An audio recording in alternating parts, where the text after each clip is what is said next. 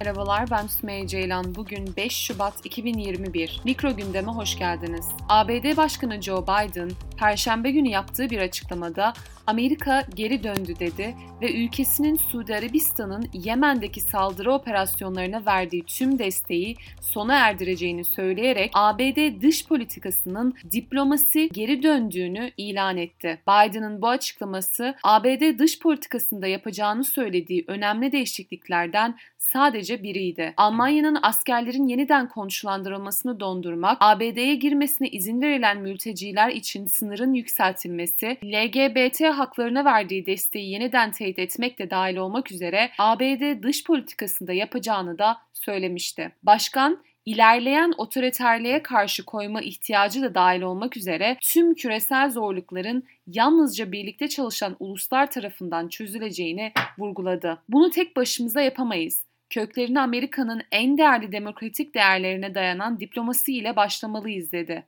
Özgürlüğü savunmak, evrensel hakları savunmak, hukukun üstünlüğüne saygı duymak ve herkese onurlu davranmak. Biden aynı zamanda eski başkan Donald Trump tarafından cesaretlendirildiğini iddia ettiği ayaklanma girişiminin bu değerlere ve ABD'nin küresel duruşuna yönelik tehdidi kabul ettiğini söyledi. Bu değerlerin birçoğu son yıllarda yoğun baskı altına girmiş. Hatta son haftalarda uçurumun eşiğine getirilmiş olsa da Amerikan halkı bu andan itibaren demokrasiyi savunmak için, dünyayı birleştirmek için daha kararlı ve daha donanımlı çıkacak. Çünkü biz bunun için kendimiz savaştık dedi. Dışişleri Bakanlığı çalışanlarına bazı açıklamalarda bulunduktan sonra konuşmasını yaptı ve onlara ittifaklarımızı yeniden inşa edeceğiz dünya ile yeniden bağlantı kuracağız ve pandemiyle uğraşırken karşılaştığımız muazzam zorlukları üstleneceğiz.